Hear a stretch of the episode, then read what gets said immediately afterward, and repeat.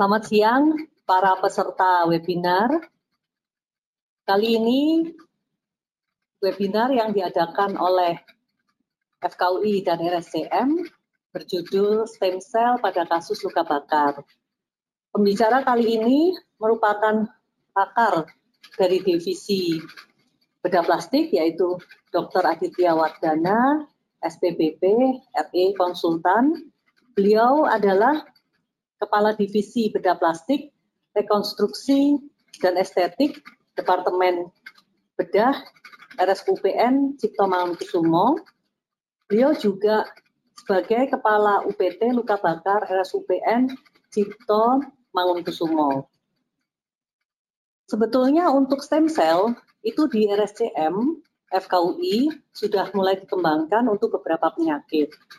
Pada khusus kasus luka bakar, dicoba dilakukan inovasi baru menggunakan sel punca mesenkim atau mesenchymal stem cell. Mengapa? Karena kasus luka bakar ternyata sangat banyak, terutama untuk luka bakar dengan derajat yang berat atau kronis, itu sangat sulit penyembuhannya, juga terutama terkait dengan kasus infeksi karena perpanjangan dari masa kesembuhan, juga problem pada graf juga. Nah, bagaimana strategi penggunaan sel punca atau stem cell ini pada luka bakar dan bagaimana perkembangan dari uji klinis yang pernah dilakukan? Mari kita dengarkan presentasi dari Dr. Aditya Wardana. Assalamualaikum warahmatullahi wabarakatuh. Selamat siang Bapak dan Ibu peserta webinar terserta sejawat sekalian. Pertama-tama kami ucapkan terima kasih kepada ICTech atau RSM dan UPT Salpunca atau RSM yang telah memberikan kami kesempatan untuk ya, sharing experience dalam terapi luka bakar menggunakan Alo mesenkimal. Terima kasih juga kepada Dr. Bella yang telah memperkenalkan. Sekarang giliran saya yang memperkenalkan moderator. Moderator acara ini adalah Dr. Isabella. Beliau adalah Kepala Departemen Anatomi FKUI dan kami berdua sama-sama hmm, ya bekerja di UPT Salpunja. Hmm, Dr. Sabella termasuk dalam tim yang untuk uh, pembuatan mesenkimal Salpunja. Luka bakar itu suatu trauma yang devastating atau membuat putus asa karena angka kematian dan angka kecacatan yang cukup tinggi, angka rawat yang panjang, penyembuhan luka yang berlarut-larut, belum lagi bicara kontraktur, bicara paru hipertrofi. Nah, bagaimana cara mengatasinya? Setidaknya untuk mengurangi kecacatan.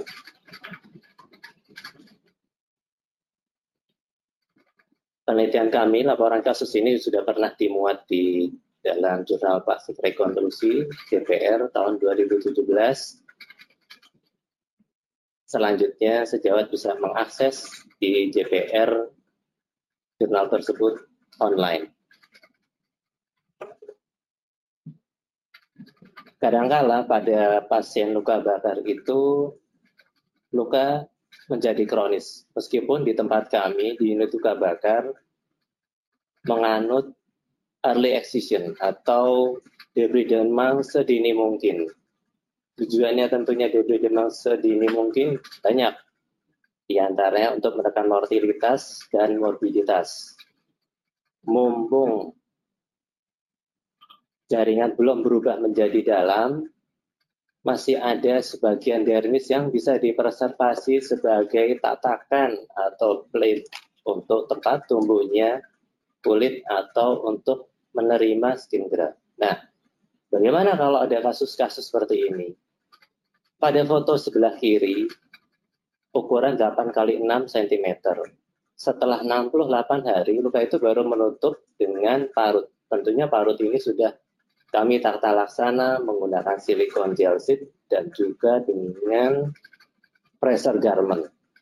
Sehingga kita bisa lihat lamanya luka itu menutup apalagi terjadi jaringan parut setelah 68 hari. Karena suatu dan lain hal, pasien ini tidak eh, bisa eligible untuk menjalani operasi skin graft.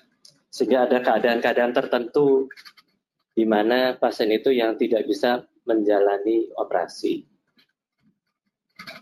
Sehingga kami berpikir bagaimana kalau ditut, e, diberikan suatu mesenchymal stem cell.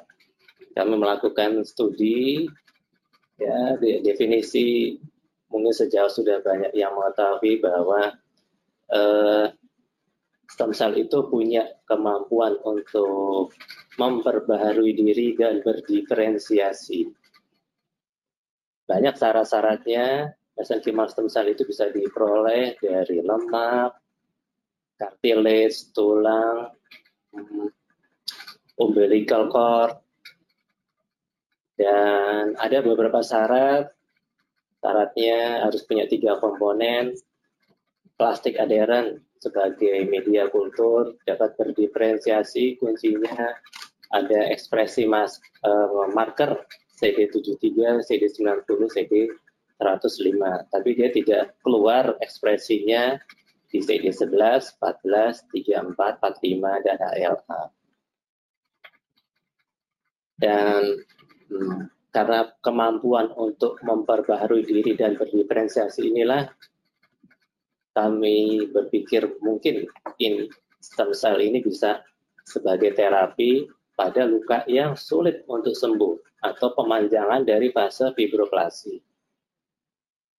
Beberapa uh, sumber dari stem cell yaitu bisa umbilical cord, bone marrow, darah, tisu, namun pada uh, seri kasus ini kami banyak mengambil dari umbilical cord, sebagian dari lemak, sebagian dari cartilage. Nah, harapannya setelah diberikan mesenchymal stem cell bisa berdiferensiasi menjadi epidermis. Sini studi-studi baru, Sato dan lain-lain ini menggunakan uh, hewan coba studinya bisa dengan melihat marker dari P63, CK19, dan beta integrin 1. Penelitian Su menggunakan bone marrow stem cell pada luka bakar setelah eskarotomi dibandingkan dengan kontrol grup ternyata bisa menjadi epidermis dan terjadinya angiogenesis meskipun ini pada hewan model tikus. Satu lagi yaitu parakrin efek. Parakrin itu bisa mempengaruhi lingkungan sekitar. Seperti kita tahu, luka bakar itu akan menghasilkan mediator inflamasi atau sitokin yang begitu hebat dan berkepanjangan. Dengan adanya mesenchymal stem cell ini bisa menetralisir sehingga bisa dicapainya reepitelisasi, neovaskularisasi, dan yang tidak penting yaitu bisa eh, membuat matriks dermal sebagai dalam tanda petik tatakan ya untuk tempat dari skin graft ataupun tempat dari epitelisasi. Efek terhadap makrofag M1, M2, efek sistemik dia juga punya efek sistemiknya. Uh, IL6, IL6, IL6, IL8 bisa ditekan sehingga mengurangi fase yang hiperkatabolik, mengurangi uh, decrease uh, pengurangan massa otot dan dan mengurangi penekanan pada sistem imun. Jadi kesimpulannya stem cell itu teoritis pada luka bakar, improve wound healing dan penutupan luka. Dan pada beberapa ada uh, sistemik, uh, trial sistemik, ternyata bisa mengurangi acute lung injury atau ARDS. Dan dikatakan bisa mengurangi pemberian resusitasi cairan yang begitu banyak. Tapi di sini kami hanya akan uh, berkonsentrasi tentunya di uh, penyembuhan luka. Jadi inilah yang akan kami efek yang akan kami ambil yaitu efek anti apoptotik dan anti fibrosis. Penelitian sebelumnya sini pada kami coba setelah ternyata baru ada empat. Penelitian yang menggunakan hmm, seri kasus penggunaan mesenchymal stem cell pada manusia. Dan eh, rata-rata uh, bisa di sini tabelnya dilihat setelah eskarektomi di hari ke-29, 21, tapi di sini segera dilakukan skin graft. Nanti di sini akan berbeda dengan hmm, seri kasus yang kami kerjakan. Ada empat, terakhir tahun 2015, paper kami kami uh, muat di JPR tahun 2017. Jadi mungkin total saya tidak mengikuti lagi tahun 2018-19, setidaknya sampai 2017 kami yang kelima. Nah, pembuatan alomesenkimal ini hmm, berbentuk lembaran. Berbentuk lembaran ini yang dibuat oleh tim Dr. Isabella bersama Prof. Siane. Kalau nggak salah ini dapat uh, haki ya? Ya. Ya, dapat haki hak cipta untuk pembuatan mesenchymal stem cell yang bentuknya lembaran seperti jelly tersebut transparan. Jadi setelah kami persiapkan pasiennya, ini kemudian ditempelkan pada luka yang terbuka. MSC yang dibuat oleh tim berasal dari umbilical cord, cartilage, dan jaringan tisu. Tempelkan pada empat pasien yang lukanya menjadi kronis. Nah, ini pada kasus pertama 51 tahun luka bakar yang kami pilih luas kira-kira antara 30 sampai 40 persen. Di sini dalam waktu waktu 29 hari. Dari kiri dengan kanan ini ada beda ada terdapat perbedaan ya. 29 hari menutup. Kalau dilihat di antara ini sudah ada uh, island of skin yang dari skin graft. Ini jadi tidak semuanya permukaan terbuka berupa jaringan granulasi sehingga di sini bisa dilihat, nah, sebagian tertutup. Artinya, uh, skin graft itu mampu berepitelisasi untuk menutup defek atau untuk menutup granulasi. Granulasinya juga yang tadinya uh, tebalnya 2 sampai 3 mili, eksudasinya banyak, lebih bisa dikontrol sedikit dan lebih flat. Meskipun dua-duanya tentunya terapi standar yaitu balutan itu tertutup menggunakan elastic bandage. Tapi bisa dilihat di sini granulasinya masih cukup tinggi. Setelah kami berikan uh, mesenchymal stem cell, granulasinya flat sehingga epitelisasi bisa diperoleh. Jadi bukan karena uh, pengaruh elastic bandage ya, karena semuanya sama, tidak ada yang berubah pada seri kasus ini. 29 hari. Nah, ini anak laki-laki umur 13 tahun pada hari ke-19 relatif epitelisasinya relatif lebih banyak, ya, dia lebih luas, lebih luas.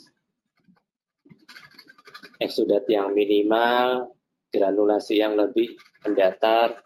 Kalau dilihat di sini, ini island dari skin graphnya, eh, tampak di sini belum kelihatan bayangan yang Eh, putih seperti kapas, di sini sudah mulai tampak bayangannya putih seperti kapas. Kalau diperhatikan di sini sudah mulai ada uh, epitel di tempat yang sama, di sini belum ada. Jarak antara ini, ini belum ada. Kalau di sini sudah mulai terdapat epitel.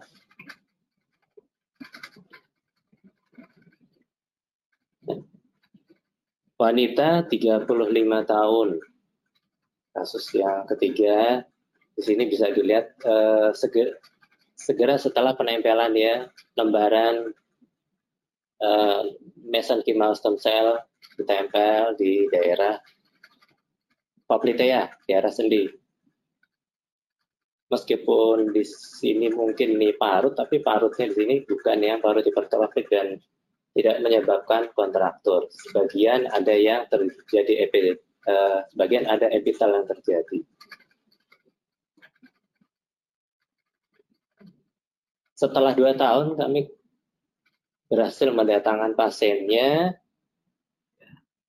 Ini nah, di daerah Poplitea di sini kami ketemu dengan pasiennya di suatu pusat perbelanjaan di DKI sedang Eh, jalan-jalan ternyata tidak mengganggu aktivitas terapi standar tetap kami berikan pressure German dan pasien tidak mengalami eh, episode operasi untuk sisi parut artinya parutnya tidak mengganggu aktivitas sehari-hari meskipun dari tampilan mungkin Tentunya beda ya, kalau ini dengan epitel, yang ini sembuhnya dengan parut. Biar bagaimanapun juga secara estetik pasti antara parut dengan epitel ya jelas pasti lebih baik epitel lah daripada jaringan parut.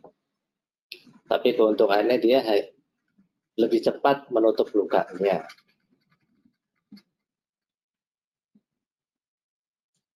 Pada laki-laki setelah dua tahun aplikasi mesenchymal stem cell ya, memang terjadi jaringan parut, parut diatasi dengan eh, standar laser Garman dan silikon gel. Sejauh ini di dekat lutut itu tidak mengganggu aktivitas anaknya. Ini masih bisa berjalan, naik sepeda, berenang, ini agak lama. Kira-kira pas ini dirawat ada sekitar tiga bulan kebetulan dari luar kota. Nah, sehingga uh, pengguna dalam diskusi ini kami tampilkan bahwa hmm, timing rupanya perbedaan dengan kasus-kasus sebelumnya itu timing timing operasi yang rata-rata dicapai setelah luka bakar ditempel, setelah luka bakar ditempel baik dengan uh, eh, MSC maupun dengan skin graft. Jadi tidak ada jeda yang lama. Kami tentunya menyesuaikan dengan kasus-kasus di eh, kasus-kasus di kami ya. Pasien-pasien tersebut sudah mengalami lebih dari satu episode uh, skin graft, yang mana skin graftnya itu tidak mau berjalan. Sehingga kami berpikir kami memerlukan suatu dalam tanda petik mungkin suatu booster atau suatu hal yang bisa mendukung untuk penyembuhan luka tentunya mempersiapkan bed. Mana bed seperti apa yang diperlukan. Jadi bed yang tentunya bebas infeksi, inflamasinya bisa ditekan yaitu dengan mesenchymal stem cell. Ya, meskipun ternyata efek uh, terjadinya epitel seperti teori disebutkan tadi tidak terjadi sesuai dengan teori, tentunya itu teori eh, penelitian sebelumnya yang menggunakan hewan coba atau tikus. Jadi di sini kami bersimpulan mungkin ini efek dari parakrin yang mempunyai efek antifibrotik sehingga parut itu tidak menebal, tidak tinggi, lumayan datar. Sehingga kesimpulannya sampai saat ini di mana pun yang namanya auto skin grafting setelah SCC masih menjadi armamentarium yang utama. Tentunya setelah uh, skin grafting yaitu gimana kita mengatasi parut. Tampaknya dengan pemberian MSC ini yang jelas bukti menunjukkan length of stay-nya lebih pendek. Kalau yang tadinya penyembuhan luka itu 68 hari untuk defek 8 kali 6 cm, tentunya eh, granulasi yang diharapkan untuk menutup pada pasien luka bakar yang sedemikian luas tentunya sulit untuk diharapkan dalam waktu yang cepat. Sehingga ini rata-rata menutup sekitar waktu 29 hari. Ada satu pasien yang sampai 60 hari.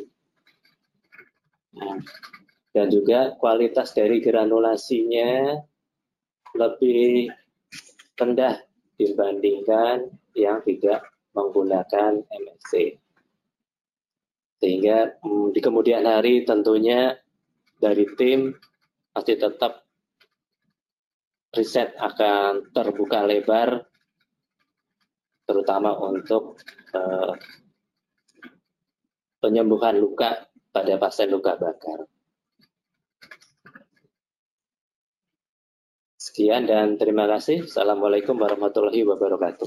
Baik, terima kasih atas pemaparannya yang begitu lugas juga apa komprehensif, Dr.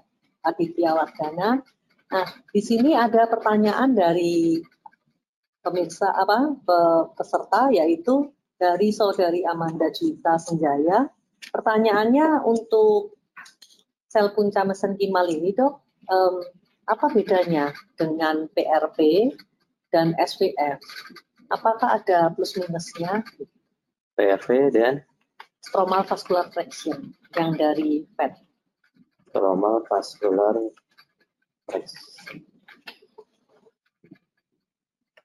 Uh, di slide awal ya, di slide awal hmm, MSC ini harus punya tiga syarat ya. Satu, plastik adherence. Dua, uh, berdiferensiasi. Kuncinya itu, diferensiasi dan kalau diperiksa markernya, ada ekspresi CD73, 90, dan 105. Tapi dia harus negatif. Nah, kata kuncinya berdiferensiasi. Ya, asalnya dari asalnya dari fat, tissue, bone, cartilage, dia bisa berdiferensiasi ke arah yang tentunya tidak sejalan, tergantung dari fatnya. Jadi bisa uh, bone atau ke cartilage. Kalau dua-duanya ini kan nggak bisa PRP maupun SPK diferensiasi dan kalau diperiksa uh, markernya kan dia nggak keluar ekspresi tersebut ya Oke. Apakah, dari Dokter Bella mau nambahkan oh ya kalau dari SWF memang itu masih belum semuanya mesenchyme apa stem cell. Jadi masih berupa stromal vascular fraction, jadi masih ada berapa persen yang merupakan stem cell. Sedangkan kalau dengan uh, sel punca mesenkim, maka kita sudah pastikan bahwa dia merupakan stem cell. Dan dengan kelebihannya, maka uh, dari hasil kasus tiga kasus yang sudah dilakukan memang ada percepatan Kemudian uh, apakah dari dokter Aditya pernah melakukan menggunakan PRP dok? Mungkin bisa sharing bagaimana perbedaannya yang pernah dicoba? Ya, dulu PRP pernah dicoba, uh, hasilnya granulasinya memang uh, lebih tinggi dengan PRP daripada dengan mesenchymal stem cell ya. Tapi itu pun bukan dalam satu seri kasus yang banyak. Mungkin PRP ya dicoba mungkin dua atau tiga kasus saya lupa sedangkan ini kami coba setidaknya dari data yang bisa kami ikuti hanya 4 pasien kalau nggak salah ada tujuh pasien pernah dicoba hasilnya seperti itu granulasinya lebih baik dengan MSC dan penyembuhannya meskipun skin graftnya minimal sekali atau beberapa pasien yang tidak ada skin graftnya terjadinya parut yang lebih rata lebih baik dengan MSC ketimbang PRP. Tapi dengan catatan bukan seri kasus yang banyak. Iya, baik. Tetapi bagaimanapun dengan MSC tetap membutuhkan graft ya dok ya? Tampaknya membutuhkan gerak. ya. Kemudian ada pertanyaan dok dari saudara Andika Syahputra. Bagaimana penanganan pada klien dengan luka bakar 70% dalam keadaan gelisah? Apakah obat penenang diperbolehkan? Ya. Ini uh, obat penenang, jadi mungkin nggak ada hubungannya dengan topik kita siang ini, tapi nggak apa-apa. Kita jawab. 70 persen, luas suka bakar 70 persen. Uh, ada yang namanya sistem scoring. Sistem scoring itu banyak, salah satunya Abbreviated Burn Severity Index. 70% artinya kemampuan untuk survival itu sudah sangat rendah. Satu. Kedua, Kenapa gelisah? Gelisah itu berarti dia shock. Shock itu satu penanganannya ya airway breathing circulation. Mungkin oksigen kurang, mungkin sirkulasi juga nggak ada kuat, sehingga penanganannya ABC dulu itu harus harus bisa dikuasai. Ya. Kemudian penenang sejauh ini kami di unit tugas bakar belum pernah memberikan penenang, ya kecuali anti nyeri aja ya. Anti nyeri itu pun kami memakai paracetamol. Sehingga kalau pasien itu gelisah, gelisah itu harus dipastikan dulu dia itu hipoksia karena shock atau bukan. Demikian jawaban dari saya. Baik, terima kasih. Ini ada beberapa pertanyaan lagi nih dok. Um, Bagaimana nih cara aplikasi MSC pada luka bakar? Apakah ditempelkan langsung pada area luka bakar atau ada tata cara khusus ya? Um, mungkin di slide-nya yang difoto ya. Tentunya satu pasiennya sudah kami inform konsen untuk penempelan tersebut setuju menandatangani. Ya. Kedua, seleksi pasien, seleksi ya, seleksi pasiennya itu lukanya yang kronis, artinya dia sudah pernah kita debri demam, tempel dengan skin graft, ternyata sebagian skin graftnya nggak mau tumbuh, terus kita skin graft lagi, ternyata hasilnya seperti ini malah di antara skin graft ini granulasi tinggi, sehingga di sini ini perlu hal-hal karena terapi semua standar terapi sudah kami berikan. Kira-kira apa nih yang yang bisa dilakukan lagi. Nah, di sinilah jawaban dari uh, eh, MSC. Jadi ada seleksi pasiennya. Tentunya bukan pasien yang uh, mortalitinya tinggi juga, misalnya 30-40 persen, tapi dia perlu repeated skin grafting atau repeated SPC. Sehingga luka itu fase kedua itu akan memanjang, nggak berhenti-berhenti. Sehingga kita perlu memangkas fase kedua ini, ya kan tentunya endingnya masuk ke fase ketiga dengan uh, parut yang flat dan lunak. Nah ini uh, terkait dengan parut nih dok, ada pertanyaan. Jadi uh, pertanyaannya kan kalau melihat dari hasilnya tadi itu terjadi hasilnya MSC jadi jaringan parut gitu ya. Mohon konfirmasinya dok apa betul? Nah kan tadi sudah sebutkan paracrine effect paracrine efek antifibrotik dan menyebabkan angiogenesis. Jadi kan tadi dari awal kami sudah katakan eh, yang percobaan SU itu ya pada hewan coba, pada tikus, ada bisa jadi epitel. Bagaimana dengan di uh, manusia? Ternyata di uh, referensi literatur itu setelah eksisi langsung tempel, setelah eksisi langsung tempel. Tapi sebagian juga ada dengan skin graft, jadi mungkin semacam sandwich terapi. Gitu. Pada kasus kami enggak, pasien masuk ke dalam luka kronis yang memanjang. Sehingga di sini perlu adanya lingkungan yang bisa dikontrol. Yang bisa mengontrol itu teoritis mesenchymal stem cell. Bisa meredakan inflamasi. Ternyata ini terbukti terbukti meredakan uh, inflamasi karena granulasinya tidak tinggi, tapi tidak menyebabkan epitelisasi. Baik dok, terima kasih. Jadi ada pertanyaan lagi dok, itu um, kan diberikannya alograf ya. Hmm. Nah itu bagaimana dengan penolakan pasien? Ya, nggak ada reaksi penolakan. Tidak ada reaksi penolakan ya. Padahal itu kan dari uh, selnya orang lain gitu. Ya, itulah salah satu kelebihan dari Masan Kimal. Uh, rejeksinya bisa dibilang hampir tidak ada ya, dokter Bella ya. Jadi itulah kelebihan dari Masan Kimal stem cell. Baik. Terus kemudian pertanyaannya, kalau begitu apakah ada kontraindikasi untuk penggunaan stem cell pada penanganan luka bakar? Sejauh ini tidak ada ya, karena pasien pun tidak mengalami misalnya ini reaksi, reaksi alergi atau demam, itu tidak ada. Uh, sejauh ini tidak ada reaksi apa hmm, side effect atau efek samping, tidak ada. Jadi hingga saat ini belum ada ya, ya. ya.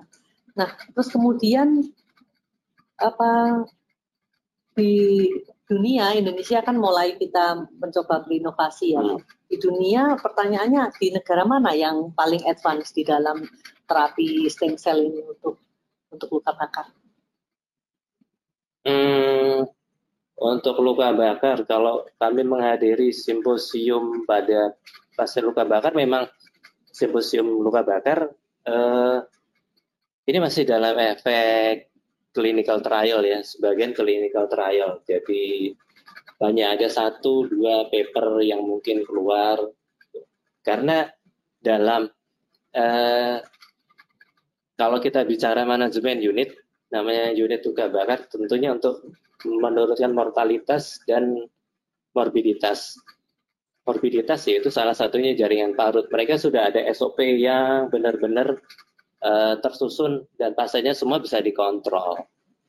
Sehingga kalau misalnya mereka mau mengadakan sesuatu yang baru ini tentu perlu suatu kajian lagi ya kan, uh, suatu telaah lagi yang prosesnya tentunya tidak sesederhana itu. Paper ini kami bacakan juga di uh, Eropa dan banyak sekali sambutannya. Ternyata memang nggak banyak yang belum banyak yang mengerjakan mesenchymal stem cell. Justru kalau di luka bakar itu uh, culture epithelial autograft. Hmm. Jadi mengembangkan mengembang biakan atau namanya apa ya? Kalau awamnya mungkin mengkultur ya. epitel itu di dalam laboratorium setelah misalnya jadi dalam bentuk cawan ukuran 10 kali 10 itu dipindahkan ke dalam luka yang terbuka. Nah, yang banyak dilakukan seperti itu karena proses pembuatan MSC juga makan waktu ya, Dokter Bella. Kalau salah sampai tiga minggu ya. Ya, kalau ya. untuk awal itu biasanya memang bisa tiga minggu. Hmm. Tetapi karena alograf, maka kan kita sudah punya simpanan. Hmm. Nah, untuk simpanan itu kita dalam lebih kurang satu minggu juga sudah bisa siap sih Ya. Nah itu keuntungan dari alograf memang. Ya, memang CEA juga eh, dia 16 hari tapi dengan catatan uh, failure rate-nya itu sekitar 60%. Jadi mereka sebetulnya juga masih mencari apa ya. Sampai saat ini tentunya mereka hmm, skin graft itu mereka buat kecil-kecil atau dalam bentuk spray itu lebih ke arah sana mereka. Artinya lebih ke arah uh, kulitnya tersebut Oh, okay. Ya, yang di riset. Ya, ya. Kalau ini kan kita arahnya ke preparasi bed luka, menyiapkan ya. bed lukanya. Ya, ya. Jadi kalau Jadi ada beda spektrum lah. Beda metode lah ya. ya Jadi kalau memang nggak banyak. Jadi di sini disiapkan bednya dulu, diperbaiki, kemudian diberikan graf dengan harapan graf itu bisa menempel dan bisa terjadi ya. epitelialisasi. Nah, kemudian uh, ada pertanyaan. Nah, pada hasil pasien-pasien yang sudah dilakukan uji klinis yang pertama tahap ini, itu kan timbul parut yang luas, dok, masih hmm. ada. Nah, itu apakah selanjutnya bisa dilakukan koreksi? Uh, parut tata laksana parut standar satu uh, pressure garment itu pasti harus diberikan. Kedua, masas melembabkan kulit bisa dengan misalnya yang paling praktis minyak zaitun. Keempat, silikon dioxide. Beberapa pasien dari kami kami kirim ke laser, poliklinik laser di bagian kulit tentunya untuk membuat granulasi itu eh, granulasi parut itu supaya dia lemas. Jadi standar terapi itu tidak kami kurangi pada pasien-pasien tersebut sehingga penelitian ini kan lolos dari kaji etik ya. Jadi semua pasien terapi standar tetap diberikan. Jadi standarnya terapi untuk parut juga tetap kami berikan. Tapi ada tambahannya ini. Ternyata ini memperbaiki kualitas parut. Ini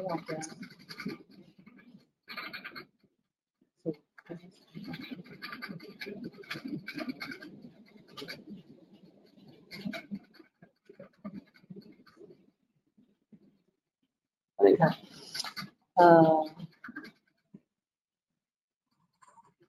pertanyaannya begini dok, ada lagi.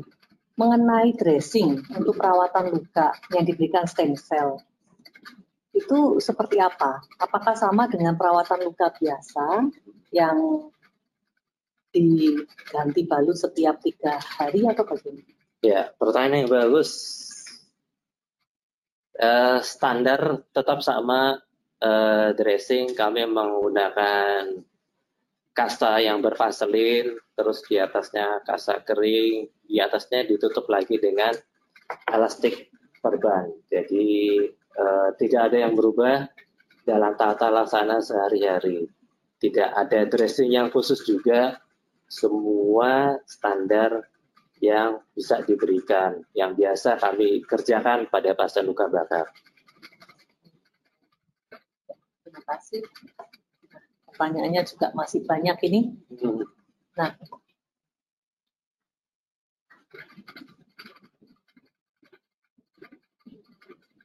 untuk visibilitas dok, bagaimana peluang alograf ini untuk terapi luka bakar ditinjau dari biaya dan um, kemampu laksanaan produknya?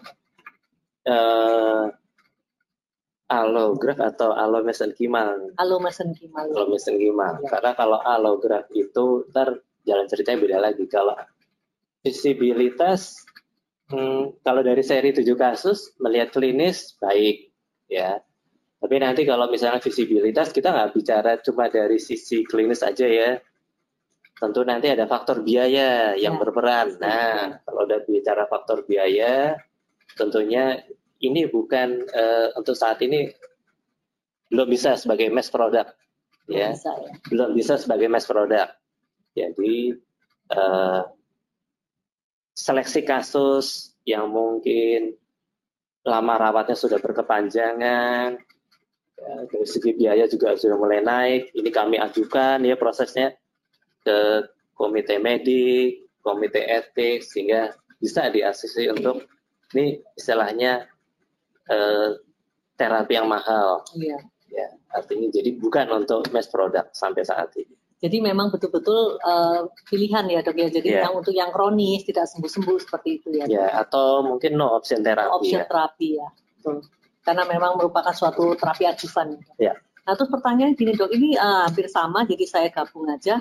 Um, apakah ada beda dok antara luka bakar karena listrik, karena kimia gitu ya, kemudian uh, dengan yang lain gitu untuk pengobatan dengan stem cell ini? Nah, uh, pertanyaan yang bagus. Karena seleksi fase ini kami tidak memasukkan luka bakar listrik maupun kimia. Teoritis luka bakar listrik itu kerusakannya sedemikian hebat dan biasanya berakhir dengan amputasi.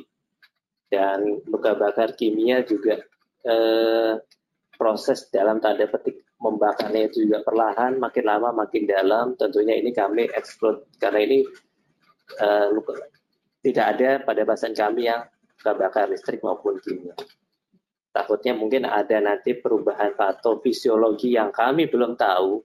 Sedangkan di literatur sebelumnya juga baik hewan coba maupun pada hmm, manusia itu juga bukan uh, sebab yang karena listrik ataupun kimia. Nah, pertanyaannya ini juga semakin menantang saja ini ya. Jadi pertanyaan begini dok. Jadi bagaimana dengan um, stem cell dari adiposa dok? Nah, apakah bisa lebih menunjang ke epitelialisasi dibandingkan dengan MSC yang dari umbilical cord? Umbilical cord. Kalau lihat dari tiga seri kasusnya sih dua semuanya berakhir dengan jaringan parut. Uh, yang sedikit lebih cepat itu dari umbilical cord terjadinya parut ya hmm. dibandingkan dengan yang lain. Ya, tapi ya ini kan bukan seri kasus yang banyak, tapi ini pengamatan dari tujuh pasien aja hmm. memberikan kesan umbilical cord lebih cepat. Lebih cepat untuk, uh, menyembuhkan ya, ya. Uh, luka, menutup luka. Menutup luka meskipun menutup sebagai luka. dengan jaringan parut. Ya. Nah, sekarang pertanyaannya begini dok, kan untuk MSC itu kan bisa berdiferensiasi menjadi sel lain gitu ya. Nah, itu peletakannya bagaimana itu? Berarti kan cuma satu sisi yang bersentuhan langsung dengan lingkungan hidup. Mungkin maksudnya uh, ditempel, kemudian satu sisi yang hanya menempel pada jaringan pasien mungkin ya yang dimaksudnya. Yeah, nah, itu apakah ada trik khusus yang bisa memaksimalkan dok? supaya lebih bersentuhan. Ya. Tim Prof. Siana termasuk dokter Bella sudah wanti-wanti supaya nempelkannya nggak terbalik. Nah, jadi yang eh, sisi yang sudah menempel pada plastik, ingat ya MSC tadi salah satu syaratnya itu plastik adheren. Sisi yang menempel pada plastik itulah yang menempel pada defek. Itu jadi kalau nggak salah tadi ada fotonya ya untuk ngambilnya itu kami pakai iya. serok Mungkin bisa ditampilkan lagi. Sebelumnya ada nggak? Nah, itu, itu, itu. Nah, ini, ini, ini, ini ada seroknya.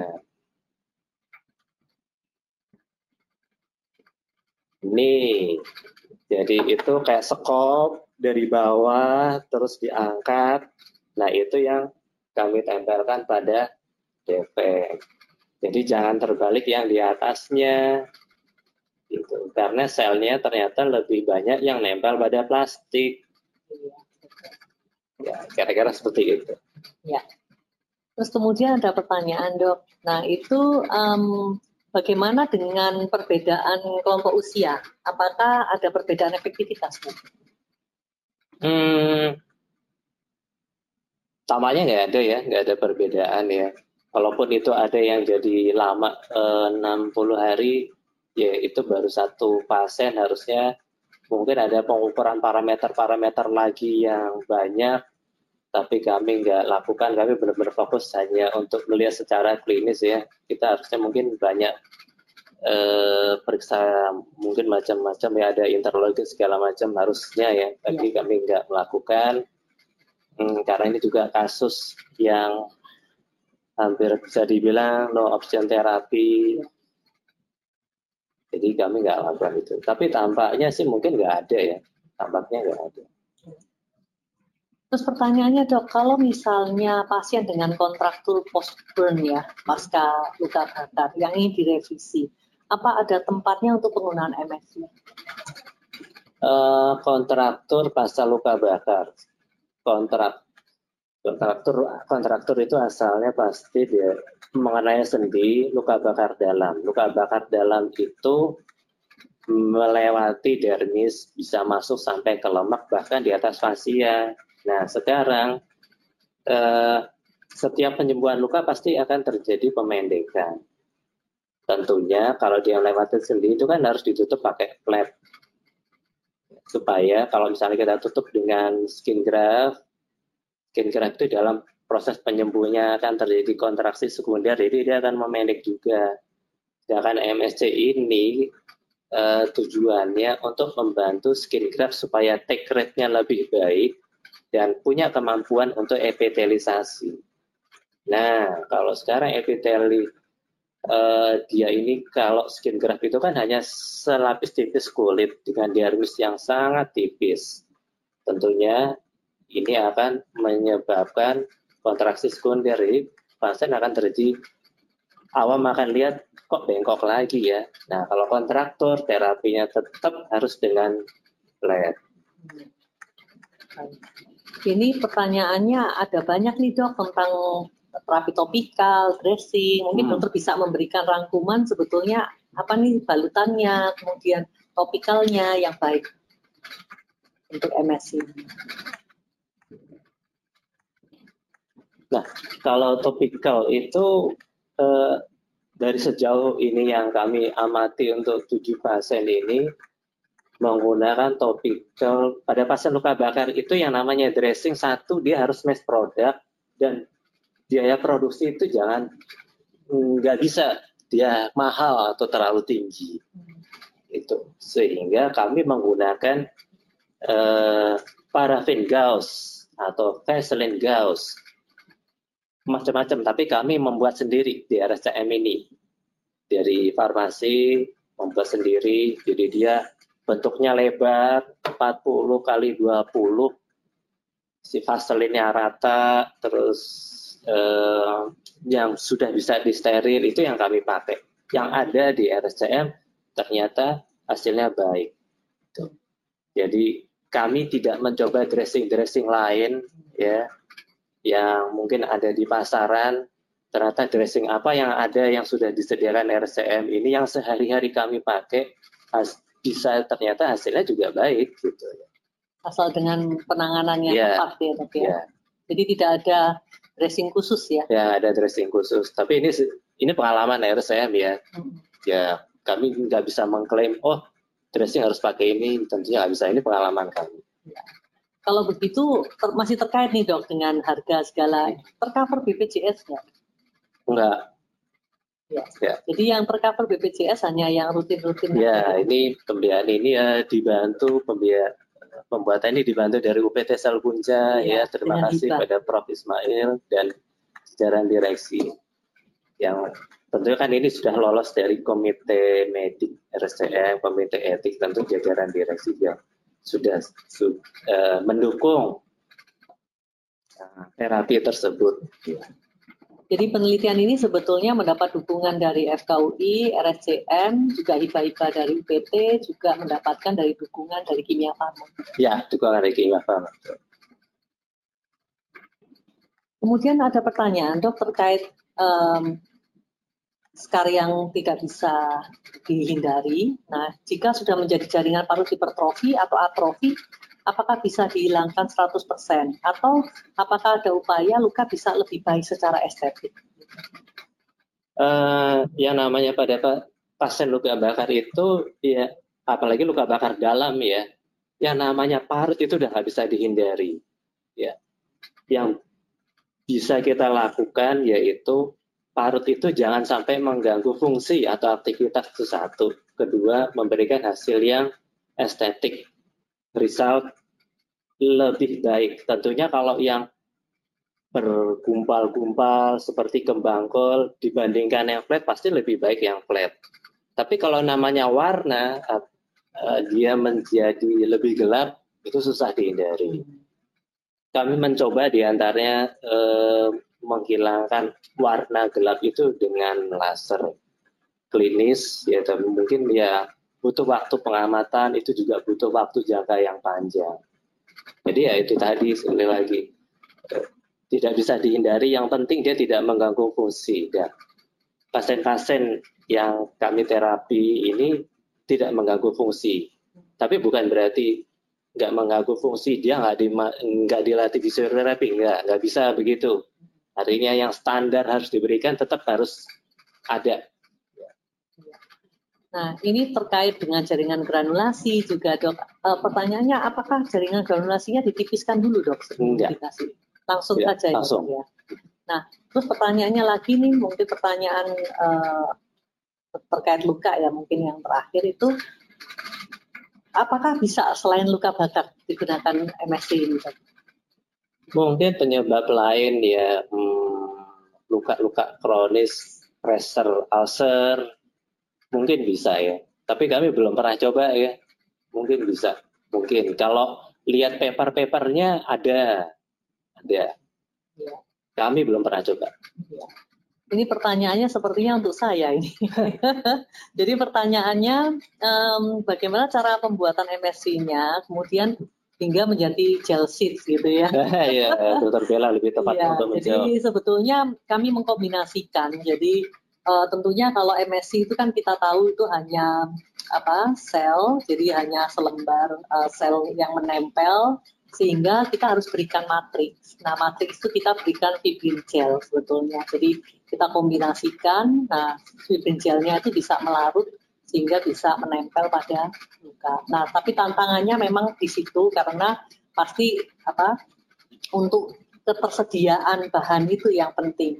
Sehingga kami juga sedang memikirkan bagaimana kita apa melakukan produksi sendiri untuk fibrin gelnya.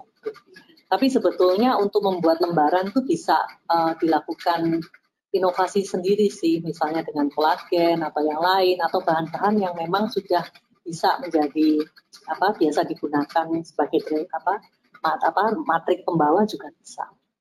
Nah, sedangkan untuk MSC pembuatannya seperti MSC biasa, kita ambil dari umbilical cord dengan screening, kemudian kita isolasi dengan apa uh, metode kita sendiri. Nah, kemudian kita kembangkan dan semuanya kita kembangkan uh, bebas materi hewani. Jadi untuk mengurangi timbulnya rejeksi uh, pada pasien. Kemudian ada pertanyaan lagi Sepertinya untuk panitia ini, apakah bisa diakses kembali di YouTube? Ya mungkin nanti coba ya. bicarakan dengan panitia. Um, kalau melihat waktunya, sepertinya sudah uh, tepat waktunya dan sudah waktunya untuk kita closing. Jika masih ada pertanyaan, uh, bisa disampaikan di kesempatan yang lain. Uh, kami mengucapkan terima kasih kepada para peserta atas atensinya, juga pertanyaan cukup banyak. Terima kasih kepada Dr. Aditya Wardana, kepada apa pelaksana para uh, pelaksana di sini panitia juga uh, dapat kami rangkumkan adalah satu luka bakar yang kronis, yang dalam dan kronis itu sangat membuat pasien dan keluarganya frustasi. Kenapa? Karena penyembuhan berlarut-larut. Sedangkan penyembuhan juga tidak selalu sempurna karena timbul sequelae, yaitu jari gejala sisa seperti parut, kecacatan, kontraktur, seperti itu. Sehingga uh, waktu penyembuhan yang panjang itu diharapkan dengan inovasi yang baru, yaitu dengan uh, semo punca mesenkim, waktunya terbukti bisa memendek dari 60 hari lebih bisa menjadi sekitar 29 hari walaupun pada saat ini masih tetap membutuhkan gas karena sel punca itu masih fibroblastik dan hanya memberikan uh, sebagai modulasi yaitu perbaikan dari jaringan granulasinya, memberikan uh, suasana yang lebih bagus untuk gerak menempel dengan lebih baik. Tentunya penelitian ini masih merupakan pra penelitian dan harus dilaksanakan dilakukan lebih lanjut untuk mendapatkan hasil yang lebih baik juga uh, untuk inovasi metode ke depannya.